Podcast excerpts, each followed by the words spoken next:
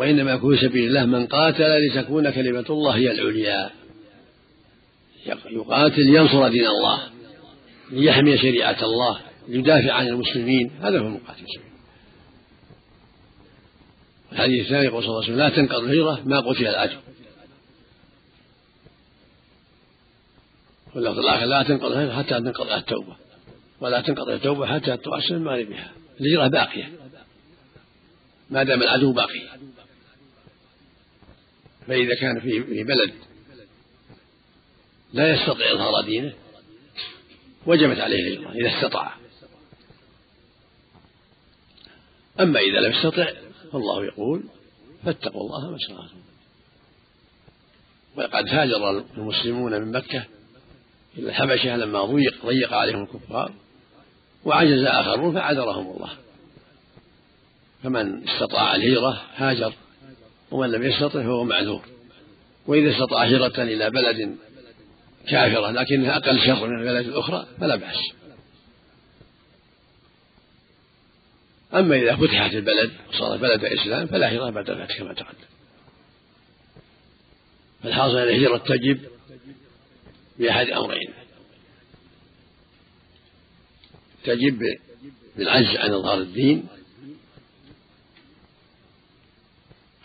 وتجب أيضا إذا خاف على نفسه أن يضل يذلوا يضلوه أما إذا كان لا يخاف على نفسه ويستطيع إظهار الدين الحمد لله. وشرط آخر وهو القدرة. إذا كان يقدر. أما إذا كان ما يقدر فاتقوا الله ما استطعتم.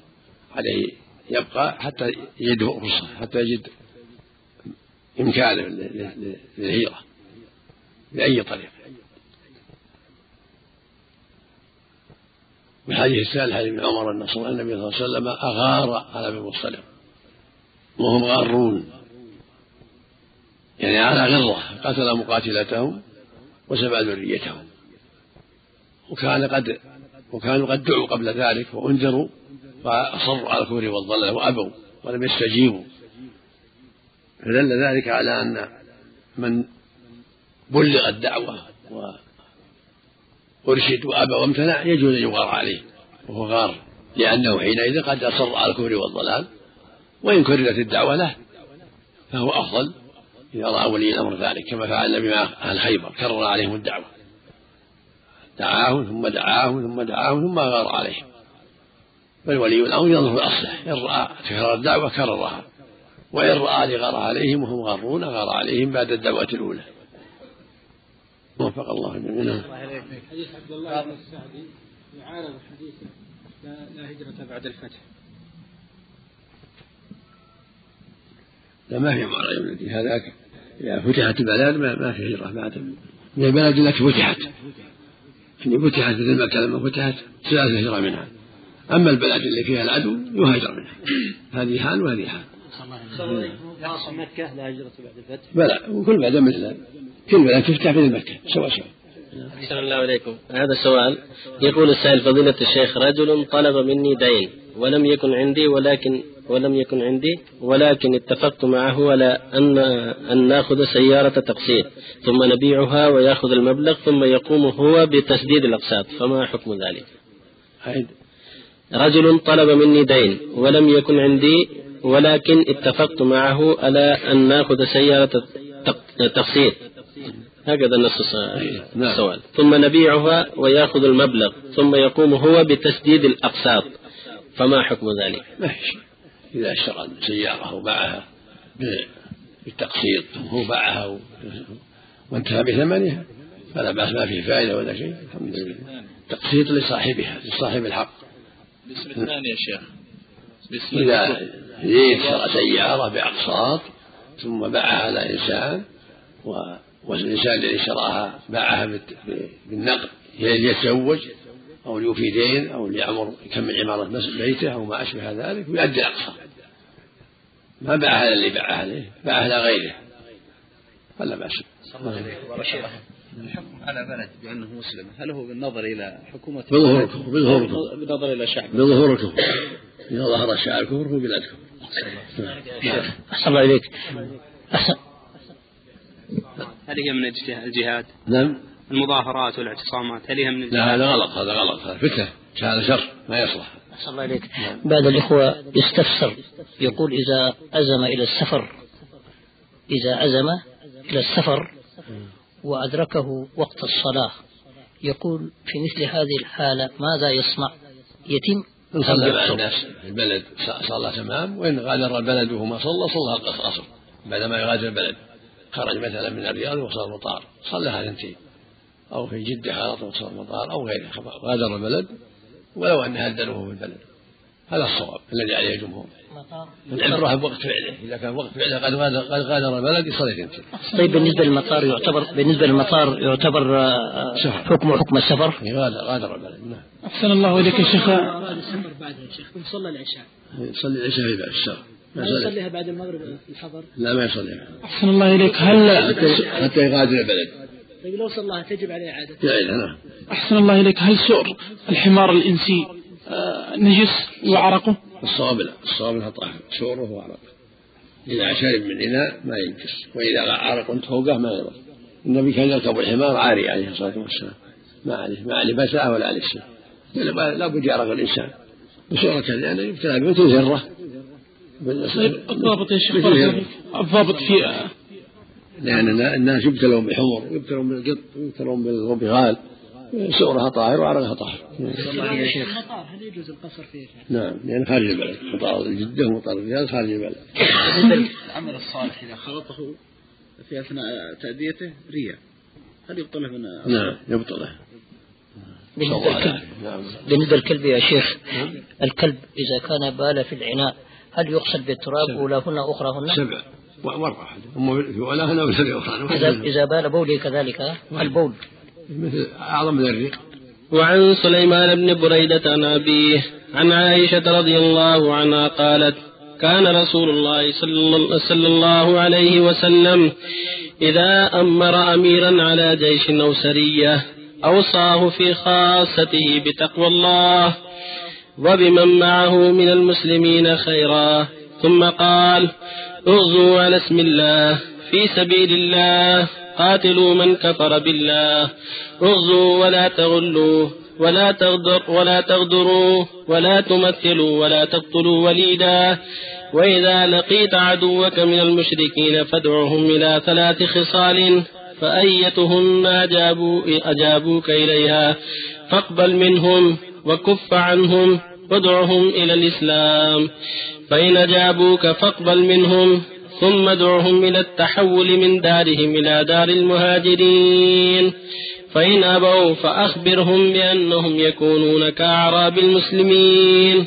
ولا يكون لهم في الغنيمة والفي شيء إلا أن يجاهدوا مع المسلمين. فإنهم أبوا فاسألهم الجزية فإنهم أجابوك فاقبل منهم. فإن أبوا فاستعن عليهم بالله تعالى وقاتلهم. وإذا حاصرت أهل حصن فأرادوا أن تجعل لهم ذمة الله وذمة نبيه. فلا تفعل ولكن اجعل لهم ذمتك. فإنكم أن تغفروا ذممكم أهون من أن تغفروا. ذمة الله وإذا أرادوك أن تنزلهم على حكم الله فلا تفعل بل على حكمك فإنك لا تدري تصيب فيهم حكم الله تعالى أم لا. أخرجه مسلم. وعن كعب بن مالك رضي الله عنه أن النبي صلى الله عليه وسلم كان إذا أراد غزوة ورى بغيرها. متفق عليه. صلى الله وسلم على رسول الله. وعلى آله وأصحابه ومن اهتدى أما بعد هذا حديث سليمان بن بريدة عن أبيه. ذكر عائشة محل نظر يحتاج مراجعة الطرق. المعروف أنها من حديث بريدة عن النبي صلى الله عليه وسلم. أما زيادة عائشة محل نظر تحتاج إلى مراجعة الطرق. أن النبي صلى الله عليه وسلم كان إذا أمر أمير الجيش أو سرية أوصاه في خاصته بتقوى الله. وبمن معه مسلمين خيرا الحديث. هذا الحديث دل على تنظيم أمر الجهاد والسرايا وأنه صلى الله عليه وسلم كان إذا أمر أمر جيش أو على سرية أوصاه بتقوى الله وأوصى بمن معه من المسلمين خيرا. ثم يقول لهم اغزوا في سبيل الله قاتلوا من كفر بالله اغزوا ولا تغلوا ولا تغدروا ولا تقتلوا وليدا. هذا هو الواجب على الغزاة ألا يغلوا وألا يقتلوا وليدا بل يجب عليهم العناية بهذا الأمر. ولا يقتل من لا يقاتل من شيخ كبير عاجز أو مريض. المقصود يقاتل من من قاتل بخلاف من كان لا يصل في القتال. أما من قاتل يقاتل. ولهذا قال اغزوا ولا تغلوا ولا تقتلوا وليده. يعني صغير النبي نهى قتل النساء والصبيان في الجهاد لأنه ليسوا من أهل القتال. لكن لو قاتلوا لو قاتلوا قتلوا. والغلول معناه الخيانة في الغنيمة يخفي شيء من الغنيمة يسمى غلول ومن يغلو يتم غل يوم القيامة. والغدر كونه يعطي العهود ويغدر فلا يجوز الغدر والغلول ولا قتل الصبيان والنساء بل يجب على الغزاة أن يستعملوا ما شرع الله لهم من قتال المقاتلة واجتناب النساء والولدان والحذر من الغلول والغدر لأن الغدر لا يأتي إلا بالشر والبلاء. نسأل الله العافية. فالواجب على أمراء المسلمين الوفاء بالعهود والحذر من ما حرم الله من غلول وغدر وغير ذلك. وهكذا جنود المسلمين يجب عليهم الحذر من ذلك من الغلول والقدر والصبيان والنساء والشيوخ العاجزين الذين لا يقاتلون وكان يأمرهم إلى أن يدعوا عدوهم إلى ثلاثة. أولا دعوتهم إلى الإسلام. يبدأ بالدعوة إلى الإسلام دخول في الإسلام. يبدأ الكافر بالدعوة إلى الدخول في الإسلام. فإذا دخل في الإسلام يؤمر بالتحول من ذلك إلى المهاجرين كان بالبادية حتى يكون مع إخوانه المسلمين يعينهم ويساعدهم ويكثر سوادهم. فإن أبوا الدخول في الإسلام يسألون الجزية إن كانوا من أهل الجزية كاليهود والنصارى والمجوس. هذه هنا مطلق لكن مقيد بالآية آية التوبة. من الذين أوتوا الكتاب. قاتل الله ولا بالله ولا باليوم الآخر ولا يحرم ما حرم الله ورسوله. ولا يدون الحق من الذين أوتوا الكتاب حتى يعطوا الجزية عن وهم صاغرون وهكذا فعل الرسول صلى الله عليه وسلم مع المجوس. عملهم معاملة اليهود والنصارى في أخذ الجزية. أما بقية الكفار فكان يقاتلهم ولا يقبل منهم الجزية كالعرب. فإن أهل الجزيرة قاتلهم ولم يقبل منهم الجزية. وهكذا الصحابة لما قاتلوا الفرس لم يأخذوا منهم الجزية. الجزية إنما تؤخذ من أهل الكتاب ومن ألحق بهم من المجوس. فالحديث المطلق هنا محمول على مقيد والنصوص تقيد بعضها بعضا قاعدة. النصوص المطلقة من القرآن تقيد بمقيدة والنصوص المطلقة من السنة تقيد بمقيد. فإن أبوا الدخول الإسلام وأبوا الجزية وهم من أهلها انتقل معهم إلى العالم الثاني وهو قتال وهو قتالهم ثم بين لهم صلى الله عليه وسلم معاملة الحصون حصر على الحصن فأرادوا يجعل لهم ذمة الله ذمة نبيه فلا جعل لهم ذمة الله ذمته بل يجعل لهم ذمة وذمة أصحابه فإنكم أن تخفروا ذماءكم وذمة أصحابه من أن تخفروا ذمة الله. يقول لكم ذمتي ذمة أصحابي وهكذا إذا أراد أن ينزلهم على حكم الله يقول أنزلكم على الحكم الذي يظهر لي من الشرع. حكم حكم أصحابي لأني قد أخطي قد أغلط. فأنا ينزلهم على الحكم الذي يظهر له من الشرع. ولهذا قال النبي على حكمكم حكم أصحابه. لأنك لا تدري أتصيب حكم الله أم لا. قل أنزلكم على حكمي الذي يظهر لي وأستطيع أن أبت فيه. حتى لا يقولوا فعلت بنا وفعلت بنا فينزلهم على حكمه وحكم أصحابه الذي يظهر لهم من الشرع المطهر. فإن كان هناك شيء من الشروط التي يريدها يبين لهم الشروط التي يريدها. تنزلون على كذا وكذا وكذا. كما كان النبي صالح الكفار على شروط معينة. كما صالح اليهود في لما عاملهم في خيبر على أن لهم النصف نصف الثمرة يبقون في خيبر نصف الزرع وهكذا. إذا صالح قوما يبين لهم الشروط شروط المصالحة التي يتفقون عليها. كانوا من أهل الجزية على أداء الجزية. وإن كانوا ليسوا من أهل الجزية كما صالح النبي أهل مكة يبين لهم الصلح وأن مدة كذا كذا عشر سنين خمس سنين وأنهم يفعلون كذا أو يفعل كذا يبين لهم وجوه الصلح وشروط الصلح. كما فعل بأهل مكة وإن كانوا من أهل من أهل الذمة بين لهم الشروط التي يريدها والجزية التي يريدها حتى يتم الصلح بينهم على أمر واضح. وهكذا في إنزال الحكم إذا ينزلهم بحصولهم على الحكم الذي يظهر له من شرع الله. من هذه كعب مالك إنه كان صلى إذا أراد غزوة ورى بغيرها. من باب المكيده للعدو فإذا أراد غزوة بالشمال سأل عن الجنوب أو الغرب أو الشرق كأنما يريد الشمال حتى يبغى يبغى القتل حتى يبغى العدو وحتى لا يشعر به العدو. قر بغيره يعني أظهر شيئا يستشعر الناس الذين يسمعون كلامه أنه يريد الجهة الأخرى. فإذا أراد مثلا جهة الشمال سأل عن طرق تؤدي إلى الجنوب أو إلى الشرق أو إلى الغرب حتى لا يبلغ العدو أنه أنه أراده. فإذا كان قد بلغته الدعوة جاز أن يغير عليهم كما يأتي.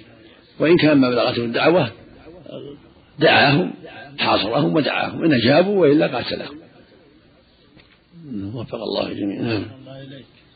الذبح بالمنشار هل من تمثيل؟ نعم. واحد يذبح بالمنشار الأسير. لا ما يجوز. منشار تعذيب. الله الرسول قال أمر أن تحد السكين. السكين هو شيء جيدة تحد أيضا. ما يجوز تعذيب. إذا أردت يذبح له شيء جيد قوي. نعم. حديد حديد ليس به ما يعرقل نعم. نعم. إيش؟ الخفر إخبار الذمة يعني. يعني يعطيهم عهود ثم يخبرهم يخونهم. نعم. يعطيهم عهود ثم يخبرهم يخونهم وقد أعطاهم العهد. هذا لا يجوز لا يجب وهب الذمه نعم. فرق بين الجيش والسريع. الجيش الجملة الكبيرة معي يقول النبي صلى الله عليه وسلم خير السرايا خير السرايا أربعمائة وخير الجيوش أربعة آلاف. ولا يغلب اثنا عشر ألف من قلة. خير الصحابي حديث ابن عباس عند أحمد بن جيد خير الصحابي أربعة وخير السرايا أربعمائة وخير الجيوش أربعة آلاف. ولن يغلب اثنا عشر ألف من قلة. صلى الله عليه رواه من الحديث هذا. رواه الإمام أحمد بن صحيح يعني ابن عباس رضي الله عنه صلى الله عليه وسلم. سأل بعض الأخوان بعد درس العصر هل المعتزلة كفار وهل الأشاعرة كفار؟ المعتزلة والجهمية كفار أما أما الأشعرية محل نظر لأنه أول بعض النصوص بعض لهم شبهة في تأويل بعض الصفات وهكذا بعض من وقع له التأويل لأنهم شبهة في تكفيرهم نظر نعم. المقصود به المقاتلة وغير مقاتلة صلى لا المسلم ما قاتلنا أما لو صار مع مع المقاتلة تقتل. نعم إن شاء الله. نعم. لكن هل هل نعم. نعم. إذا كان القتل بالمنشار من باب قتل المثل لأنه فعل بهذا الأسير المسلم. المسلمين يريدون أن يقتلوا هذا الأسير الكافر مثل ما قتلوا إذا قتل يقول الرسول إذا قتلتم فأحسنوا قتله وإذا ذبحتم فأحسنوا الذبح. ما يجوز يعذب. هكذا رواه مسلم في الصحيح. إن الله كتب الإحسان على كل شيء. فإذا قتلتم فأحسنوا قتله أما إذا قصاص كان إنسان قتل إنسانا بيرد الرأس يرد رأسه. قتل إنسانا بالعمود يقتل بالعمود. قتل إنسان بالغرض يغرر أما لا مو قصاص إنما هو بقتال غير غير قصاص مثل قتل أسرى. يقتل قتل حسن. ليس بقتل.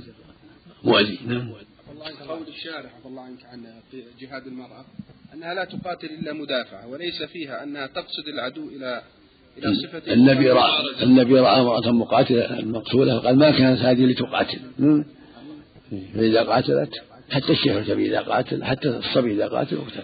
من المسلمات عفى الله عنك الشيخ. عند الدفاع حسب طاقته. عند الدفاع حسب طاقته. تدافع عن بيتها وعن أولادها حسب حسب طاقته. ما, ما يقدر أحد في الدفاع. وعن معقل أن النعمان بن مقرن, مقرن رضي الله عنه قال شهدت رسول الله صلى الله عليه وسلم إذا لم يقاتل أول النهار أخر القتال حتى تزول الشمس وتهب الرياح وتهب الرياح وينزل النصر رواه أحمد والثلاثة وصححه الحاكم وأصله في البخاري. وعن الصعب بن جثامة رضي الله عنه قال سئل رسول الله صلى الله عليه وسلم عن أهل الدار من المشركين يبيتون فيصيبون من نسائهم وذراريهم فقال هم منهم. متفق عليه. وعن عائشة رضي الله عنها أن النبي صلى الله عليه وسلم قال لرجل تبعه في يوم بدر ارجع فلن أستعين بمشرك. رواه مسلم. الله وصلى الله وسلم على رسول الله وعلى آله وأصحابه. أما بعد هذا حديث النعمان بن مقرر أنه شهد النبي صلى الله عليه وسلم إذا لم يقاتل أول النهار أخر القتال حتى تزول الشمس. وتهب الرياح وينزل النصر هذا يدل على شرعية تأخير القتال بعد الزوال إذا لم يقاتل أول النهار يؤخر إلى أن تزول الشمس. تاسم النبي صلى الله عليه وسلم. ولأن هذا أنشط للناس. القائلة يستريحون قبل الظهر. إذا لم يحصل لهم قتال في أول النهار استجموا حتى تزول الشمس ثم يقاتلون عدوهم في استقبال الليل. بقية النهار. هذا هو الأفضل. تأسم به عليه الصلاة والسلام. إلا إذا كان القتال ملتحم فإن الأمر لا لا حرج فيه في مواصلة الجهاد حتى يفتح الله على أوليائه.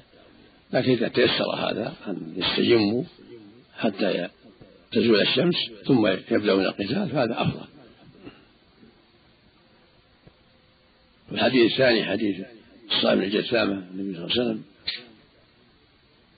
سئل عن الدار من المشركين يبيتون يصام من نسائهم وذراريهم فقال هم منهم. وهكذا حديث الصب انها اراد بينهم السلام وارون وقتل مقاتلتهم وسبع ذريتهم.